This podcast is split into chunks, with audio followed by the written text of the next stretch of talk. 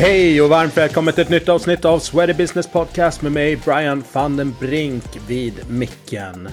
Idag ska vi stifta bekantskap med André Bånghäll från Fightbox. Träningskonceptet där gymmet möter klubbvärlden med inspiration från klasskoncept i New York, Los Angeles.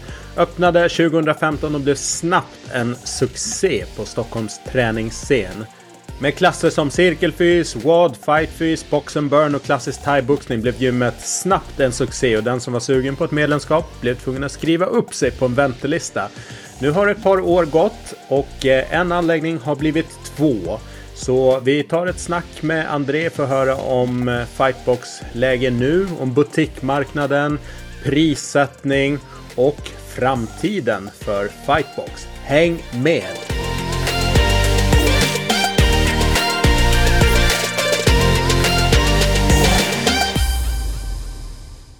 Alright, varmt välkomna tillbaks till Sweater Business Podcast. Varmt välkommen till podden André Bånghäll från Fightbox. Tack så jättemycket, kul att vara här. Grymt att ha dig med. Och det sjuka är att jag har liksom haft Fightbox på radarn egentligen ända sedan vi drog igång den här podden eh, 2017 någonstans. Men av olika anledningar så har det liksom inte blivit att jag har tagit kontakt och sen eh, påminde du mig eh, någon gång här innan sommaren att är det inte dags för ett fightbox-avsnitt? ja, det är det. ja. ja, men det är kul att vara här och tack ska du ha och ni eh, möjligtvis också som håller på. Det har varit väldigt inspirerande för oss i alla fall att lyssna på alla era poddar och alla intressanta gäster som är branschkollegor och så vidare. Så ja. det har verkligen varit superuppskattat. Roligt, roligt. Jag hoppas att ehm, och tror att många kan bli inspirerade av eh, resan som ni har gjort på Fightbox som eh, skulle jag säga pionjärbutik i Stockholm i alla fall där jag rör mig mest. Jag har ingen aning om det fanns någonting någon annanstans i, i landet men, men för mig som någonstans 2017 började med Sweater Business och hade varit i USA och kollat och sett liksom butikexplosionen där borta så när jag såg att ni lanserade så tänkte jag bara yes, äntligen så händer någonting i den här riktningen här också. Ja, alltså, vi var ju väl relativt tidigare här eh, och det, det, största och första då var väl kanske att inte vi knöt oss till en specifik sport eller ett specifikt koncept som typ crossfit eller en specifik kampsport då, utan vi körde vårt eget där liksom och kom på egna namn på klasser och så och blev vi kanske lite först med butik i det hänseendet liksom. Mm. Bra, du eh, börjar alltid några uppvärmningsfrågor för att gästerna ska få lära känna dig lite grann och ja. att eh, du ska komma in i gängen här också. Men eh, vad tränar du själv helst? Eh, helst av allt thaiboxning som är min livs stora passion. Så det gör jag helst två gånger i veckan. Och sen två gånger gym och sen så vårt nya koncept Runbox också. Som är en eh, Barrys inspirerad så här löpbandstyrka och boxningssäck också. Det är superkul. Så får jag in alla dem så är jag en mycket glad version av mig själv. Mm, låter som en bra kombination. Du, eh, vad läser du? Eh, sist så läste jag Till Saladör av eh, journalisten Diamant. Och eh, ganska tung läsning, skrämmande tråkig utveckling men en väldigt, väldigt bra bok. Och jag eh, tycker jag är en väldigt duktig journalist, författare också. Mm. Ja, men jag läste den förra, eller lyssnade på den tror jag, förra sommaren. Och sen den här sommaren så läste jag När ingen lyssnar som är uppföljaren. Där. Men allting händer så snabbt så att liksom, det finns ju utrymme för ett par uppföljare misstänker jag tyvärr. Ja, ja tyvärr. Men ja, så det var, det var sista boken. Annars brukar det bli någon på semestern och sådär. Men, uh... mm. eh, vad lyssnar du på? Eh, nu senast har det blivit mycket techno house. Jag tycker, tycker det är alltid framförallt att träna till. Sen i perioder så blir det mycket hiphop, R&B eh, och sådär. Ibland till och med så glider man in på gubbrock ett tag. man ska aldrig liksom glömma bort Black Sabbath och de här gamla. Det tycker jag också är bra grejer. Ja. Um, om du skulle få obegränsat med pengar till ett projekt eller ändamål, vad skulle du göra då?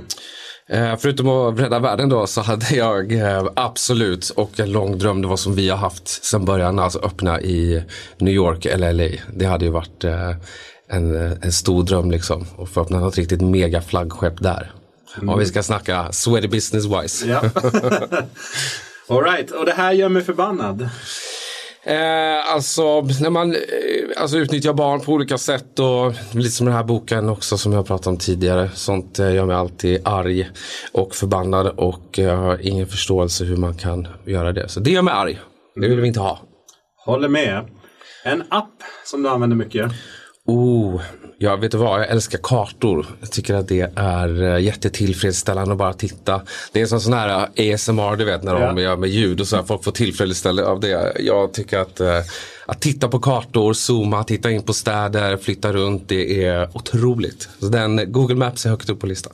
Ja, spännande. Jag är inte lika djupt in i det som dig, men jag kan identifiera mig med det där att man ibland har snöat in och kollat. Ja. Liksom. Um, din senaste screenshot i mobilen. Oj, det ska jag kolla här. Uh, ja, vi hade ju styrelsemöte igår så att jag har tagit en bild på vår whiteboardtavla med alla siffror nu från terminstartskampanjen. Så, så jag ska komma ihåg dem. Yes. Så är de nära till hands. Bra. Här gick det åt helsike. Det har gått så ofta åt helsike på många olika sätt tror jag. Framförallt kanske när man så startar och bygger upp liksom, nya ställen. Nu har vi inte haft så många, vi har haft tre stycken då totalt. Men att det ofta kan skära sig mellan när man bygger upp och så har man väldigt tydliga spel som man har varit med och så grejer för så blir det ändå fel någonstans på vägen. För oftast har ju fastighetsvärden en entreprenör och så har man liksom lite triangelkontakt där och så blir det fel. Mm. Så sist nu då när det gick åt eh, helskotta sista gången då hade vi ju skulle vi bygga det här uh, runbox med löpande och allting sånt så kommer vi dit ändå. Då har de lagt golvet så högt. Så att löpande går inte in. Aj, aj, aj. Och det här är ett sånt golv som också är dämpat och sånt som är uh, inte billigt. Nej. Så det blev ju alltså det blev kaos och det blev, uh, ja, där gick det åt helsike. Så jag tror många som också driver träningsverksamhet kan relatera till just de här typen av problem liksom. När det på något sätt blir misskommunikation någonstans mm. på vägen med entreprenör och fastighetsvärd. Ditt bästa tips för återhämtning då? Åk ut i naturen och vara där, spendera någon dag på helgen och sånt där. Eller om du menar återhämtning som från träning typ. Ja men det funkar också. Jag tror det blir svaret på frågan. Mm. Att bara ta, ta liksom tiden och inte träna varje dag. Jag tror att många liksom bara kör på hela tiden och tränar och så tänker man att man kanske ska isbada eller gå på massage och sånt. Men bara vet, ta några dagar ibland från träningen kan vara hur effektivt som helst. Absolut. Du, eh, om du får säga då. Eh, vad behöver träningsbranschen tänka om kring? Du får helt fritt spelrum här. Oj, det är en stor fråga. Men eh, alltså nu har liksom trenden gått till att det har blivit, det har blivit många som har kommit upp i butik så det är mycket så här pay as you go och då ser man att de stora aktörerna och kanske de börsnoterade gymmen också börjar tänka lite i de banorna och sådär. Så det känns som att det händer väldigt mycket nu i träningsbranschen. Så det är väldigt liksom svårt att se just nu vad som kommer bli det vinnande på sikt. Jag har till exempel lite svårt att tro att den här kanske pay as you go modellen kommer, kommer funka på ett ekonomiskt plan. Det kommer säkert funka för många kunder och sådär. Och sen har vi ju eh, de här apparna också som erbjuder att man kan träna på flera ställen och sådär. Men jag tror att eh, det som kommer bli avgörande nu, framförallt i storstäderna och Stockholm, det är att man har stark community till sina medlemmar för att de ska stanna. För nu finns det så hög konkurrens. Mm. Jag tror att förut, kanske för tio år sedan bara, så, var det så, så fanns det inte så många ställen. Så hade du bara ett ställe du erbjöd pass eller du erbjöd gym så fick du också kunder automatiskt. Så nu tror jag att folk verkligen måste så här, gå tillbaka till ritbordet och verkligen också att man treatar sina medlemmar på något sätt. Liksom. Mm. Prata med dem, kommunicera liksom, och gör, gör aktiveringar och saker. Det tror jag också. Eh, och ni, jag vet att ni är skitduktiga på det. Jag är ju inte medlem men har faktiskt inte tränat hos er någon gång ännu. Pinsamt nog. Men jag ser Det får vi ändra på. Ja, det ni gör i sociala medier och så ser man att det är mycket kring community-delen och sociala grejer. Så jag tänkte vi, vi dyker in i den där eh, delen lite senare i avsnittet.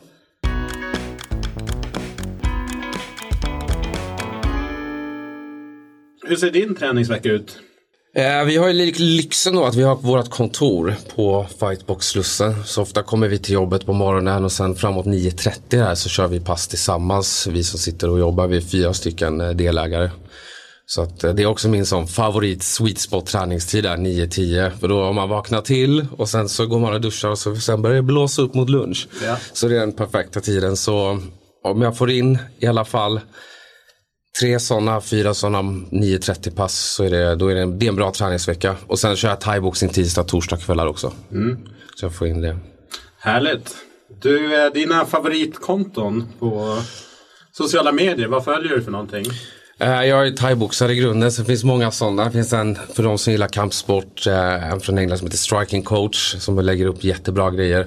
Folk har ju blivit så duktiga på content också och du vet, de levererar så här så att om man har bakgrund inom någonting och det är samma man, om man är som vanlig PT och folk som visar övningar och sånt där. Förut så var det så långdraget men nu kan du verkligen bli så matad i liksom TikTok-hastigheten på, på idéer och så så du kan lägga liksom dina pass utifrån det sen. Mm. Så folk är väldigt kreativa. Det finns ett gym i Austin, Texas som heter Onnit. Som jag tror han Joe Rogan har varit lite inblandad i. Alla deras tränare har egna konton också där de lägger upp mycket så här funktionell träning i jättefin liksom, upplösning och liksom med bra, bra kvalitetscontent. Liksom. Mm. Så de följer jag eh, väldigt ofta och där tar, tar vi ofta inspiration från när vi startar pass och sånt. Liksom. Så där, eh, de ska man följa. Mm, grymma tips. Nej, jag håller med. Ribban höjs för innehållet och just det där du säger snabbheten. TikTok har gjort att ja, men det måste vara mycket straight to the point och du liksom det ska hända någonting. Och traditionella sättet på sociala medier att liksom göra videos och visa övningar. Det känns väldigt sakta i jämförelse. Ja. Ja, det har verkligen blivit de sista, sista liksom, åren nu. Förut var det lite så här bara hej, välkommen jag ska visa ett recept. Först så tar det och nu är det så här bara bam, bam, bam. Det liksom bara slår i skålen. Så på typ 15 sekunder får du liksom veta hur man slänger ihop en pasta typ. Och samma då speglas ju i träningsgrejen. Mm. Det blir väldigt snabba, snabba klipp och så. Sen finns det en annan kille som heter Marcus Philly tror jag. Mm. Som är grym på content också. Så det blandar lite med både övningar och med tips och olika så här. Det har blivit väldigt stort nu att folk ska slå hål på myter och sånt. Liksom, för jag tror mm. att det kan ge väldigt mycket klick och väldigt mycket liksom, attraktion. Och liksom delas mycket. Liksom. Så det har man märkt att folk har börjat med också. Istället bara för att visa övningar. Yes. För det finns ju begränsat med övningar ändå. Ja, nej men så är det ju. Så, nej, men jag tycker det är jättesmart det här gymmet i Austin som du pratade om. att använda tränarna. För det är ofta de, visst varumärket i sig är, är viktigt. Men ofta så följer ju folk personer, tränarna, coacherna och inspireras av dem. Så det är skitsmart att liksom använda mm. dem så strukturerat i marknadsföringen. Um, vad är den största tränings eller hälsomyten enligt dig som florerar där ute? Eh, om man tar till våra liksom medlemmar och kunder och sånt, det är de här klassikerna man får höra men du vet, dels det där med att, man, att vissa vill punktbränna fett någonstans. Liksom, så här, bara, men jag vill köra mycket mage idag för jag vill bränna mitt fett här. ser så här sådana där grejer, liksom en klassiker som man alltid, alltid hör. Liksom, som jag tycker så här, ja, som man alltid ska behöva förklara. Eller den klassikern, typ så här, bara, ja, men jag tror du kan ta lite tyngre här faktiskt. Men, nej, men jag vill inte bli biffig liksom. Ja. Så bara, det är nog ingen risk. så, man får ju också ha förståelse för att folk inte har varit i träningsbranschen så länge eller sådär. Så man får ju du vet, försöka vara, vara, vara, vara snäll och, och förklara det på ett bra sätt. Absolut. Eh, om man tar styrketräning då, vad är din favoritövning? Och den är lätt. Bänk och biceps alltid. Bänk och biceps. Det är också så här fint när man håller på med gruppträning och, och thaiboxning framförallt. Ibland att bara kunna gå till gymmet. Det är så härligt att ja. bara köra några klassiker liksom. Det mm. uppskattar jag väldigt mycket. Någon övning som du inte uppskattar så mycket då? Folk brukar alltid säga burpees, men jag har faktiskt eh, gjort så mycket burpees nu under årens gång att jag har lärt mig fuska på dem, man ska säga. Alltså, de går väldigt lätt. Men jag har alltid tyckt att thrusters är hemskt och jag liksom efter alla år nu så är det fortfarande liksom jobbigt i varje repetition. Så att eh, ja, thrusters värst. Mm, den är tuff. Burpees är ingen favorit här, min del. Um, det här um, har jag alltid med mig i träningsväskan. Vad packar du med? Jag är väldigt eh, slarvig när det kommer till att glömma saker och sånt. Så jag har alltid tandskydd och susp i min väska. Alltid om vi ska köra thai. För det är alltid lätt att glömma. Eh, speciellt tandskyddet då som är så litet. Och har man inget tandskydd så blir det också väldigt svårt att vara med på sparringen och sådär. Och då blir det väldigt tråkigt. Så det finns alltid där. Yes, jag fattar. I träningssammanhang så blir jag lack när klassiker också när folk inte tar undan efter sig på, på, på gymmet. Det är hemskt. Och vi har lite annat hopp för gymmet är ju en sak såklart. Det är liksom vett och etikett. Men ibland så vi tar ju fram massa grejer precis som en crossfit-box gör. Sen är det folk som bara piper iväg och lämnar allting liksom. Då blir man lack. Jag håller med. du, ditt bästa träningsrelaterade minne då? Jag fick faktiskt eh, chansen att träna med Sunshine som är en sån legend i mm. thaiboxningsvärlden i Bangkok 2016. Så det var nog det allra bästa liksom. Han kan man också kolla in på YouTube och sånt. Han är ju, börjar bli till åre nu men han går fortfarande matcher. Han är inte liksom speciellt rippad eller så men det är ingen som vinner mot honom. Liksom det går inte. Så han är liksom en levande legend i, i mm. sammanhanget. Häftigt.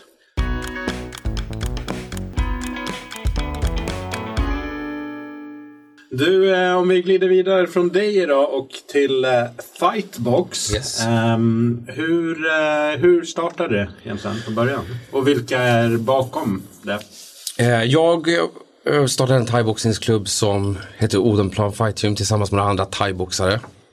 Så det var bara thaiboxning där. Sen hade vi börjat kika lite mot crossfit och så som hade blivit uh, ganska populärt då, eller var väl sin så stora peak då, 2014. Så vi började köra lite så funktionell träning bara, ett kompisgäng. Och sen så blev det liksom till värsta träningsgänget som började köra. Alltså det var inte ens våran tanke att det skulle liksom bli en grej. Vi var bara, det var många som jobbade i krogbranschen då så vi körde så här vid 11 typ varje förmiddag. Och sen så ville fler och fler köra och så blev det större och större och till slut då så kom vi i kontakt med Sebastian och Andreas som är våra partners också. Som hade juiceverket om du kommer ihåg de här yeah. juicekedjorna runt yes. om. Så de var ju duktiga och hade liksom kunskap om att driva bolag och sådär. Eh, och då körde jag thaiboxning tillsammans med Sebastian, en av dem då. Sen så tog vi bara ett möte. Att så här, ja ah, fan vi kanske ska göra något nytt. Vi gör det här liksom juiceverket som kan vara fronten och receptionen. Vi kan liksom sälja vår grej men så är det ett gym där bakom typ som ska vara lite så rough and rowdy. Och du vet hur det är, man sitter ju på många möten ofta och snackar och, och snackar förutsättningslöst och sådär. Men det var som att det bara slog eh, klick. Och sen lyckades vi få en lokal då som ligger på Katarinavägen vid Slussen. Och eh, två månader senare så hade vi invigning. Häftigt! Ja men eh, häftig resa. Och jag så märkte ju det där att det var, jag fick aldrig ihop liksom ljusverket och eh, Fightbox som första början. Ja. Hur det liksom hängde ihop. Men eh, nu vet jag helt enkelt. Du, eh, inspiration då till eh, vad liksom... För att när ni startade, som du säger, det fanns inte så mycket. Det fanns ingenting egentligen skulle jag säga i butikväg på det här sättet. Crossfit-boxarna hade ju kommit in med, det är på ett litet annat sätt skulle jag ändå hävda. Men vad, vad kikade ni på för något? Men vi var nog som dig där att vi var i LA och New York och testade liksom lite olika grejer när man var där på semester. Sen hade vi hittat också ett eh, gym som heter Overthrow i New York som bara har, de bara gjorde något helt annat. Så de har bara satsat på att det ska vara typ punkigt liksom. Man ska bara jämföra det med typ lite som, ja men du vet tänk Punk Royal. Mm. Eh, som gör, vad, vad, vad de har gjort för det i restaurang. De har bara gjort något avantgarde som är liksom helt annorlunda och bara tänkt tvärtom. Lite så anti-hero eh, tänk ja. liksom. Och så uh, kör de liksom uh, att, att de hade bash efter träningen typ. Så vi var där och körde boxning. Och så var det så här punkmusik och så var det liksom, och så fick man en Budweiser då efter, efter passet var slut. Och vi bara, vad är det här för någonting liksom? Och så det är jättecool design och de har jättesnyggt så här bildspråk och grafik. Så de var liksom en jättestor inspirationskälla för oss eh, från början. Barry's Bootcamp fanns ju också då och där tittar vi också kanske liksom på det här med att ta in och köra det i en nattklubbsmiljö. Att liksom så här, där finns någonting typ så att det finns, det finns många ställen ändå som erbjuder träning men det kan kännas lite kanske tråkigt ibland. Så här. Mm. Så vår, vi, våran tanke från början var aldrig att attrahera en målgrupp som älskade träning utan vi tänkte att det är så många som redan gör. Så om vi kan hitta någonstans en öppning där vi kan eh, få in folk som kanske inte gillar träning så mycket nu men ändå så att man lurkar in dem på något sätt att det är en lite roligare miljö. Så kan vi nog ta oss fram där liksom på något sätt. Mm. Ja, spännande, det var verkligen någonting helt annat. Jag jobbade ju på Sats eh, en period eh, och det var ju innan, innan det här. Men då kikade, ja, men man såg så David Barton gym som gjorde någonting helt annat fast i traditionell gym. Liksom design. Just det, de är också. De är... Den här nattklubbs-feelingen eh, eh, som man kollade på. Men jag såg också vissa amerikanska som just mixade det med träning och det sociala. Och det kunde vara liksom vodka shots efter och, och ditt och datten. Och då satt man så här bara Men det där går ju inte. Man kan ju inte slå ihop dem. Nej. De är liksom en mot, motsägelse. Motpol, ja. exakt. Nej, det, där har ju många gjort mycket olika nu. Men en som jag glömde nämna också som också ska ha en, en stor shoutout är ju One Rebel i, i England. De har väl väldigt många ställen nu vad jag har förstått det som. Så där har vi också varit och testat. De är på något sätt alltså next level. Alltså på det sättet att, då att de, de har det stället men så har de också de har en liksom cyklingstudio. En som är löp och styrka då som är kanske Barrys inspirerad och som har de så här barre megaformer också som det. Så att de tar in liksom allting som verkar vara populärt. Och också då inte knyter sig till liksom en sort eller ett koncept eller ett slags pass. Ja, nej, de är superhäftiga. De har jag kollat mycket på. Jag har inte tränat på någon av dem heller. Men eh, jag ska definitivt ta och göra det. Hur, eh, hur ser verksamheten ut idag? Hur många anläggningar har ni? Vi har två anläggningar. Vi har valt att alltså, placera oss också centralt så därför vi tänker att det är vår publik uppskattar mest. Så vi har en enhet på Stureplan, en enhet på Slussen. Men den som är på Slussen nu då, då köpte vi lokalen jämte. Så då har vi två stycken golv eller två stycken då koncept under samma tak liksom, som har samma reception. All right. Sen har vi haft ett mindre ställe också. Vi testade upp ett mindre ställe på, Fride, eller på Sankt Eriksplan och se hur det skulle gå. Liksom. Ja. Men det blir också en bra läxa sen att för litet ställe blir liksom ändå typ lika mycket jobb som ett stort ställe och det är också samma liksom, utgifter, personalkostnader och overheadkostnader är ganska lika. Så att, eh, men det var också en bra lärdom så fick man liksom känna och klämma på den också. Yes. Har ni hittat någon så optimal size för era anläggningar? Så vi har ju vi har verkligen krigat mot kvadratmeter i all tid liksom och eh, det är väl det som har liksom varit lite svårt. Vi tror att optimalt för oss har nog varit runt 1000 tror jag. Nu har vi ju inte det än. Båda våra nu är ju ungefär cirka 600 per styck då. Just det. Men eh, någonstans där så tror jag det varit Framförallt att kunna öppna också för lite community-yta. Jag tror att det kommer också. Jag tror också att det fram, framöver kommer det bli mycket att kunna erbjuda det här one-stop shop. Så att du inte behöver åka runt mellan eh, ditt kontor och det här och där och, och bastu där och isbad där. Utan du har ett ställe som kan erbjuda liksom allting. Exakt. Jag såg, eh, eller jag fick en eh, rapport skickad från Paul Bedford som är en så internationell retention guru inom branschen som sa att, eh, jag tror det var Da- David Lloyd som är high-end gym i, i London med olika anläggningar. Men de har också coworking. Och besöken, besöksfrekvensen på coworking-delen under liksom måndag till fredag nu efter pandemin har liksom bara slått i taket. så Ja, att jag det stärker nog din tes där kring det här sociala. Ja, men sticker till gymmet men jag kan lika bra sitta och jobba halva dagen där när jag ändå åker dit. För det blir också en storstadsmiljö om det är så här, okej jag sitter på kontoret nu, sen ska jag åka och träna där. Men så kommer det ta 30 minuter liksom att åka och åka tillbaka. Men om du vet då att okej jag kan sticka och träna, sen direkt när passet är slut så hoppar jag direkt in i mötet. Och för kanske den urbana personen eller människan så kan det nog passa ganska bra. Absolut, det tror jag. Men vilka, kan man säga att det finns någon typisk, eller typiska medlemmar? Ja, vi skulle ju kunna, alltså vi har ju våra medlemsdata och sådär. Men om man ska generalisera hur de brukar vara som personer så har vi alltid tenderat att attrahera många som jobbar med media, kommunikation, marknadsföring. Eh, om man ska liksom verkligen dra med stora penseldrag. De bor ofta i stan, ofta någonstans där mellan 25 och 40 år. Så det här är vår största målgrupp.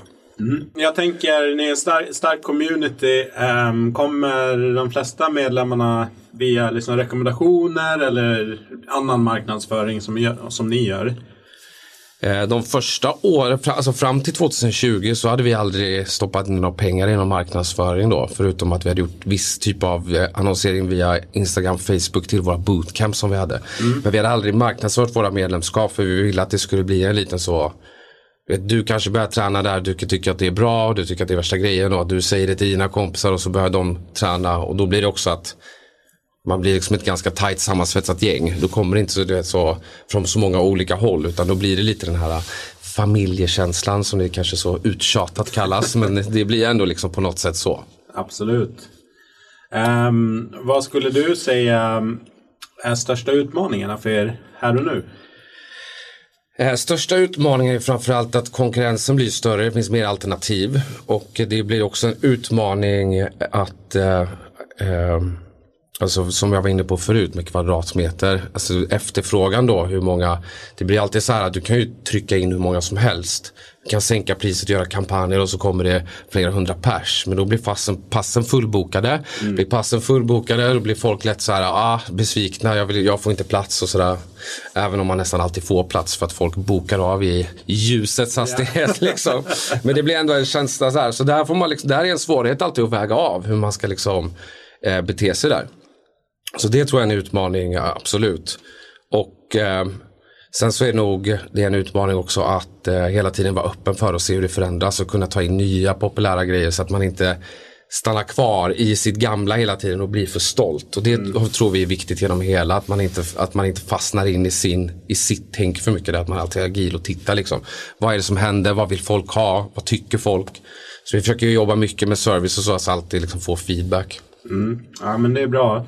Jag hade ju um, gänget från Boutique Fitness Solutions som är ja, USA-baserad organisation som har massor av butiks där. Och då sa de just att i svallvågen av pandemin så hade de sett att just de butiksen som har en, som de säger, modality, alltså en träningsform, att de generellt sett hade det tuffare än de som var lite mer flexibla i det eller kunde erbjuda flera, men kanske inte supermånga, men två eller tre olika mm.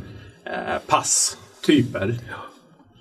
Eh, så det verkar vara någonting där. Så att det är logiskt att man försöker följa med i och det, ja, och det handlar väl också om att behålla folk. För att jag kan tänka mig själv ur ett eget perspektiv bara att om man börjar med någonting och så blir man kanske medlem och sådär.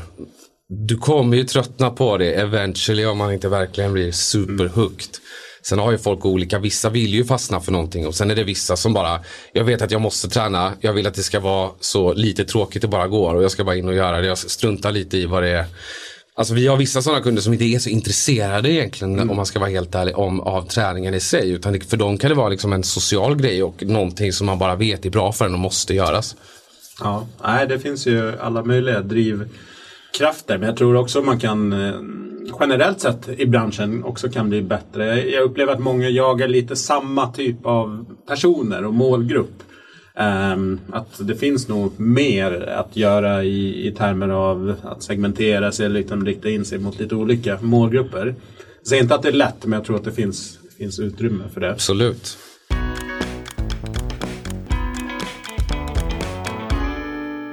Pandemin då? Eh, ska inte liksom fastna i, i den. Den är ju förbi tack och lov. Men hur var det för er och vad har du för liksom, reflektioner när du tittar tillbaks på den tiden nu med ungefär två år ja. spegeln? Det var ju minst sagt en, en period det där och eh, det tror jag alla också kan känna igen sig i. Men för vår del om man ska eh, dra någonting av det så blev det ju att det var ju första gången vi fick driva någonting lite i, eh, i uppförsbacke. Och då menar jag inte bara med hur liksom staten och, och du vet, regler och sånt utan också att från att gå och ha ett koncept som ofta folk tyckte om och klappade på axeln och liksom bara gud vad kul det är. Ni har räddat mitt liv, det här är det bästa jag har gjort, jag har aldrig tränat förut till att mejlen börjar vara så här. Ah, mm. Varför är det så mycket folk på det passet jag är för? Det hade varit bättre om det var bara sex pers och så vidare. Så då fick man börja struggla med det. Ja. Så att, eh, och man såg ju verkligen då att folk blev ju väldigt kreativa snabbt och folk sadlade om till att köra på digitala plattformar istället och erbjuda hemmaträning. Vissa tejpade i marken så alla skulle få liksom 10 kvadrat var och sådär. Så att eh, ja, det var nog eh, ur ett, ur ett perspektiv då från oss i, i, eh, i egenskap av då att driva verksamhet mm. så var det nog att, man, att det var en nyttig läxa att få, alltså få, få inte elak feedback, men att alltså få ta lite skit. Liksom så från många mm. medlemmar. Liksom. Det var något nytt. Så det lärde vi oss också väldigt mycket av. Mm. Det, det är många som fick, alltså det blev verkligen ett test för, för många, men jag är ändå imponerad att eh, de flesta ändå klarade sig igenom pandemin och många blir, blir starkare liksom nu ja. med lite tid i, i bagaget också. Ja, det, var, det blev ju lite så också för att i Sverige så fick vi, vi, vi fick ju köra på. Mm. Och då var det så här, ja nu vill jag ta mitt ansvar så jag fryser mitt eh, medlemskap här. Eh, fast då för oss, fast ja, det är inte, man får ju fortfarande träna. Så, och vi kör ju på. Vår personal står här på samma tider. Våra instruktörer är här, håller samma pass. Så det, där, ja, det, var, en, det var verkligen en struggle. Ja, är det en balansgång där.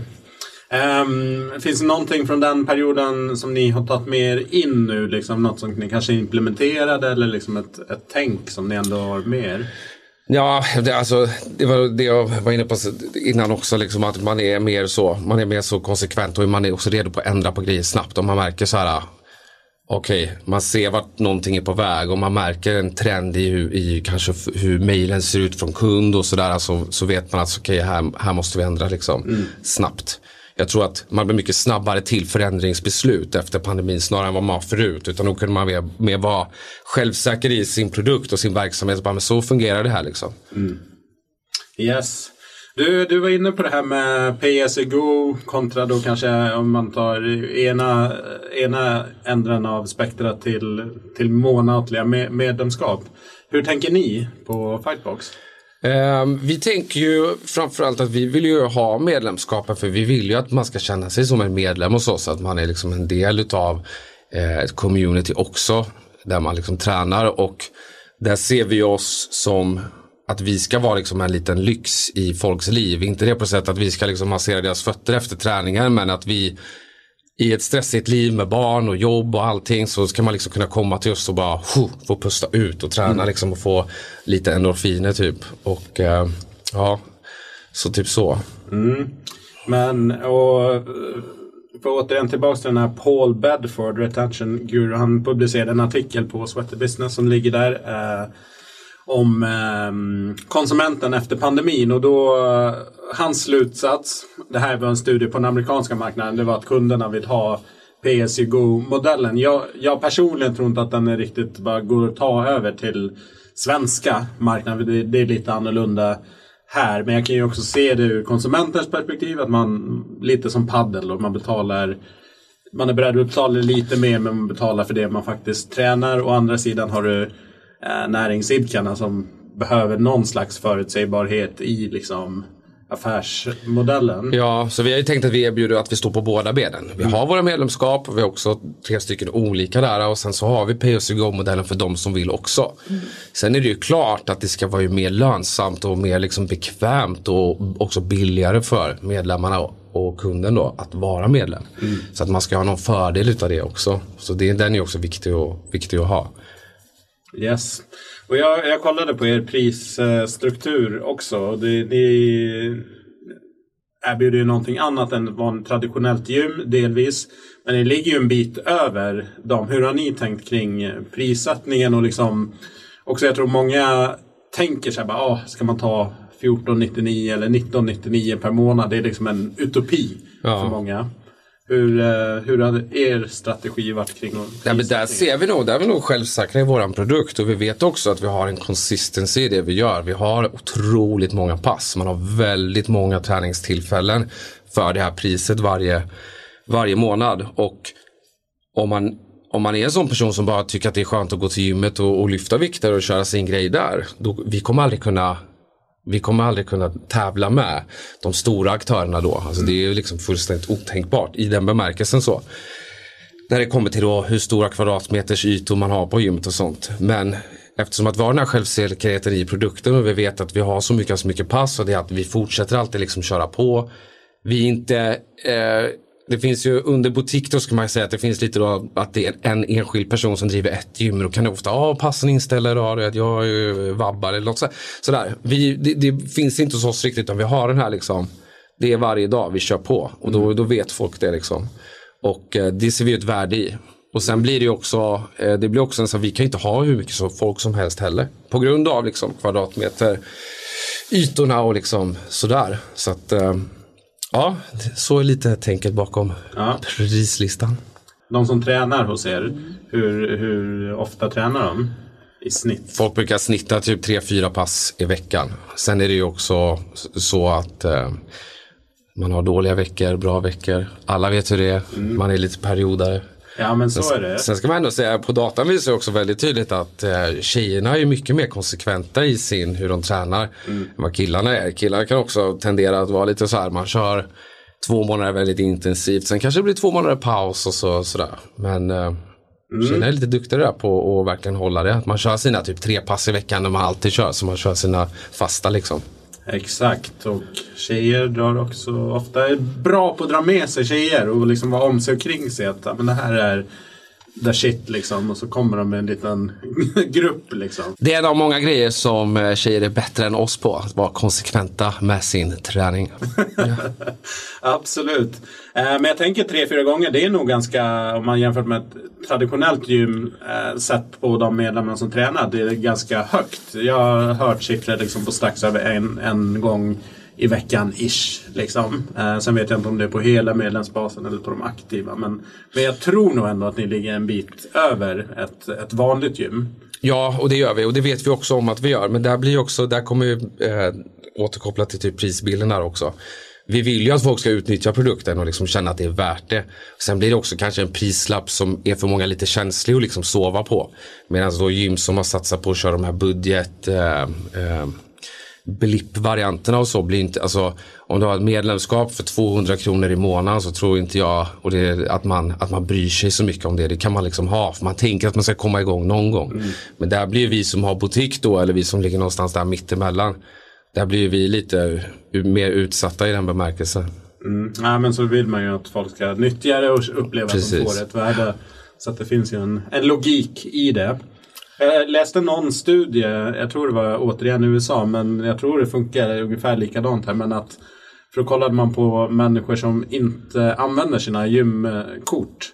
Att de, många upplevde ändå ett stort värde bara av att kunna säga att man är medlem på ett health club. Ja, just det. Olika, ja. Så att det gav en viss social status att man var medlem. Sen om man går dit och tränar eller inte var inte det viktigaste för, för den här kategorin. Och det tror jag är varje, varje liksom eh, gymägares eller som har vilket typ av koncept med medlemskapsdröm att, att ha det där. Att folk känner en stolthet av att vara delaktig i liksom, produkten. Mm. Yes, och vad skulle du säga framgångsfaktorer? Vad har liksom varit key för er eh, som har gjort att ni har kunnat liksom, ja, fortsätta utvecklas och som jag förstår också har planer på expansion också? Ja. Eh, först och främst att vi har liksom haft olika eh, ben att stå på vad gäller olika sorters träningskoncept så att vi har kunnat hålla kvar folk. Nummer två så har vi haft väldigt mycket community. Vi har arrangerat väldigt mycket fester, after works, träningsevent, olika grejer som händer liksom så att det blir lite kul, att det händer något på klubben. Mm. Det tror jag är väldigt viktigt liksom att det, att det liksom rör på sig där. Så att det inte liksom blir en sovsäck utav det. typ så. Ja. Så det tror jag har varit viktigt och, och samtidigt att eh, vi har haft så sjukt duktiga instruktörer också och att vi har låtit dem också alltså få köra mycket liksom, dynamiskt själva. De har fått liksom, skapa sina pass och sådär. Och många av de instruktörerna också är väldigt duktiga och väldigt så här, socialt duktiga och, och knyter till sig folk för sina favoriter. Och det blir lite som, eh, det blir ju community utav det då om man ska, om man ska eh, mm. säga så. Ja men det, det är bra och eh, du berättar ju lite grann här kring hur ni har skapat den. Det är många som kanske brottas lite grann. Man kanske tror att man har en community. Vi har en community. Men det kanske inte riktigt är det. Vad, vad tänker du är bra byggklossar för att liksom skapa en miljö som, som uppmuntrar till, till att skapa det här sociala bandet. Jag tror att om man, om man vill skapa en community så är man lite på fel väg redan där. Alltså, om man, alltså man, man vill att det ska vara en och så försöker man skapa den efter, efter det. Det blir ofta lite fel tror jag. Vi hade väl turen, eller så här, det, det var, som jag förklarade förut när vi startade upp, det var inte ens tänkt att det skulle liksom bli. Utan det var ett community som blev en verksamhet och inte tvärtom. Mm. Så, liksom där, så att, att vara autentisk då i att skapa det här community är väldigt viktigt och då, då gäller det också att man själv är på plats. Tror jag liksom. Vi är också där på plats varje dag. Vi har vårt hjärta där. Vi älskar det vi gör. Vi tycker det är jättekul att jobba med Fightbox och utveckla Fightbox. Träffa alla människor, medlemmar, instruktörer. Alltså det är det bästa jag vet och jag är otroligt tacksam för att, att kunna göra det. Liksom. Mm. Så där tror jag det gäller att ha liksom, hjärtat på riktigt och inte bara skapa det för skapandets skull. Nej, exakt. Jag tänker för vissa eh, kanske driver eller har, är i verksamheter som har många olika locations och kan brottas med det att vissa kanske får till det här, vissa får inte det. Hur tänker ni på era två? Gör ni liksom, om ni har en fest, är det något gemensamt för båda eller har man olika communities. På, ja, nej, då är det allt samma, alltid. Och vi har ju ja. våra Facebookgrupper och liksom så här, det är samma. Sen om man tränar där, det är bara en geografisk plats. Ja. Så att vi gör ingen skillnad på vilken, så här, ja, nu är det den mot den eller liksom sådär. Även om vi kan tänka att det är ganska kul om man kan göra så här, ja, nu ska vi möta den enheten i, i dodgeball. Det kan vara jättekul, men de, det är liksom bara för oss geografiska platser. De är inte medlemmar bara på ena stället nej. eller sådär. Så att även om vi hade haft fyra enheter så har det inte heller varit någon skillnad. Det hade varit samma liksom, alltså grund, grund i så fall. Mm. Härligt. Du, är framtidens fightbox, vart är ni på väg? Vad vill ni göra? Ja, vi har ju drömt länge om att expandera och öppna fler ställen. Och nu börjar vi få bra koll på det. Vi är in på åtta år nu, vi har gjort alla misstag i boken. Någonstans nu så börjar vi verkligen så bli duktiga på det här. Vi vet exakt vad som behövs, var och när och hur. Och vi tror nu är vi precis på det här sättet då att vi kan börja liksom öppna ställen där vi själva inte bor. Mm. Och, liksom så. och vi kommer kunna erbjuda en jättebra produkt i Köpenhamn eller Oslo eller Göteborg. Så det är där vi är nu. Så sista liksom, två åren nu så har det varit väldigt mycket, mycket att lära sig när det kommer till Kanske ta in externt kapital eller ytterligare delägare och sånt. För det är väldigt mycket liksom man behöver lära sig om det. För det finns så många välja vägar att gå. Mm. Eh, även typ så det blir också en fråga med, ska man öppna allt själva? Ska man göra en franchise-modell där du, där du har, eller ska man ta konceptet och försöka typ bara hyra ut konceptet då till andra ställen som Just kan liksom använda det. Så där har det varit supermycket olika liksom frågor. Men det vi vill göra nu framförallt det är att expandera till, eh, alltså nu på en femårsperiod så att vi kan få upp de här enheterna i, i Norden och framförallt öppna ett sånt eh, monster i Stockholm med, med allting. Ja, det låter väldigt spännande att följa den resan och stort lycka till med det. Eh, vi börjar närma oss slutet här och jag tänkte um, gästens trendspaning en fråga som jag brukar slänga in. Du hade en bra grej där på vad träningsbranschen be behöver tänka omkring. Men har du någonting annat som du ser eh, sådär som du tror vi kommer få, få se mer utav framöver? Eh, jag tror ju att vi kommer få se fler som anammar konceptet löpande versus styrka. Alltså a.k.a. Barrys moden fast i olika slags konstellationer. Framförallt då på mindre orter. Mm. För det har funkat så pass bra tror jag. I, för nu har ju Sats kört dem också. Och man har, har andra aktörer också då som har kört på den. Och det har blivit väldigt populärt. Jag mm. tror att det kommer smitta av. Så man kommer se att, att det kanske öppnar även på, på mindre orter. Och så den, jag tror på den starkt. Eh, yes. Löpans, eh, löpanshärvan. Mm. Ja, men det, det är ju häftigt med att köra löpan. Jag springer ju en del själv men jag vet ju också folk som avskyr löpning men som kommer in i en sån typ av klass. Man kanske har varit med någon och kört på Barrys och så blir folk helt plötsligt löpare i det ja, passet. Det. Liksom. Ja, Då är det kul helt plötsligt i den, den settingen. Men att sticka ut och springa själv kanske vissa tycker är liksom öken. Absolut. Men det blir också en, man vet, alltså om man ska vara helt ärlig då, alltså när du maxar på ett löpband sådär och kontrollerar med styrka, det blir ju en sån endorfin, eh, alltså kavalkad. Mm. Alltså man, du, du är bästa känslan efteråt, du är helt slut. Yes.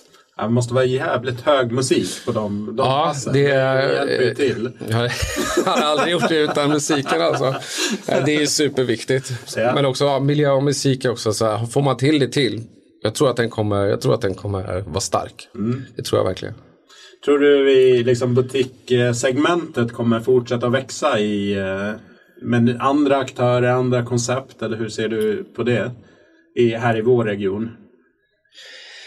Ja, det tror jag. Och det kommer nog att konkurrensen bli ännu hårdare. Men, men jag tror att vi kommer få se mer av sådana i, i framförallt storstäderna då. Men sen i, om man tittar på typ Köpenhamn och Oslo och liksom, så finns det egentligen inte liksom. Stockholm tycker jag, när, när vi har liksom gjort vår research, har ju kommit längst av flest olika liksom boutiquekoncept. Medans eh, de andra nordiska huvudstäderna ligger lite efter där. Så jag tror framförallt där kommer det. Och då får man se om det är svenska aktörer eller om man ser om det kommer, som Barrys till exempel, som en internationell aktör. Kommer det någon liknande stor aktör? Det finns ju Rumble Boxing, det finns den här One Rebel. Kommer de kolla på den nordiska marknaden eller kommer de inte det? Så det är ju svinintressant ur det perspektivet. Mm. Det där är också viktigt då att man är liksom först. Och vi vill ju, vi vill kunna vara först på de här platserna också. Yes. Så det jobbar vi för varje dag. Ja, men din spaning är nog rätt tror jag utan att ha dunderkoll på Oslo och Köpenhamn. Så där med, det finns ju Barrys i, i Oslo och Köpenhamn i och för sig också. Men jo, jo, absolut. mycket mer än så känner inte jag till eh, riktigt på de marknaderna. Sen hade jag i, häromveckan hade jag faktiskt, eller jag hade inte besök, men vi, vi i Stockholm hade besök av en Um, internationell aktör då som du nämnde som, som var här och kikade. Så vi käkade lunch och ja. han frågade mig lite grann kring marknaden och sådär. Och de såg också Stockholm som liksom prioritet av de, de nordiska länderna. Men de var lite oroliga för är de beredda för prisnivån? de ligger någonstans runt 2000-2500 per, per månad. Så det, jag tror att för dem var det väldigt mycket så här är svenska marknaden, finns det tillräckligt mycket att göra i Stockholm till exempel på, på den här prisnivån? Så ja, det blir intressant att följa. Verkligen, det blir jätteintressant. Du, eh, vi har faktiskt kommit till slutet av eh, podden. Hur är känslan? Eh, det går fort man har trevligt. Du, jag kommer eh, länka in till era sociala kanaler och hemsida för eh, er lyssnare som vill eh, kika in lite mer på vad de pysslar med på Fightbox och kanske bli medlem och träna där. varmt tips. Sista frågan. Vilken låt, musik, ska vi avsluta avsnittet med? Åh, Stockholms Vi med Hannes tycker jag är så fin. Så den kan man zona ut till och drömma sig bort. Härligt. Stort tack André. Tack så jättemycket för att jag fick komma. Det var jättetrevligt. I'll be honest I'll be honest for you Yeah, yeah Yeah And if we're talking, I'm gonna tell you the truth. Yeah. You and me made a lover of an enemy. Yeah. No, no, no, no. V. We're gonna make a memory. You've been on the west side, showing them your best side. You've been wearing new.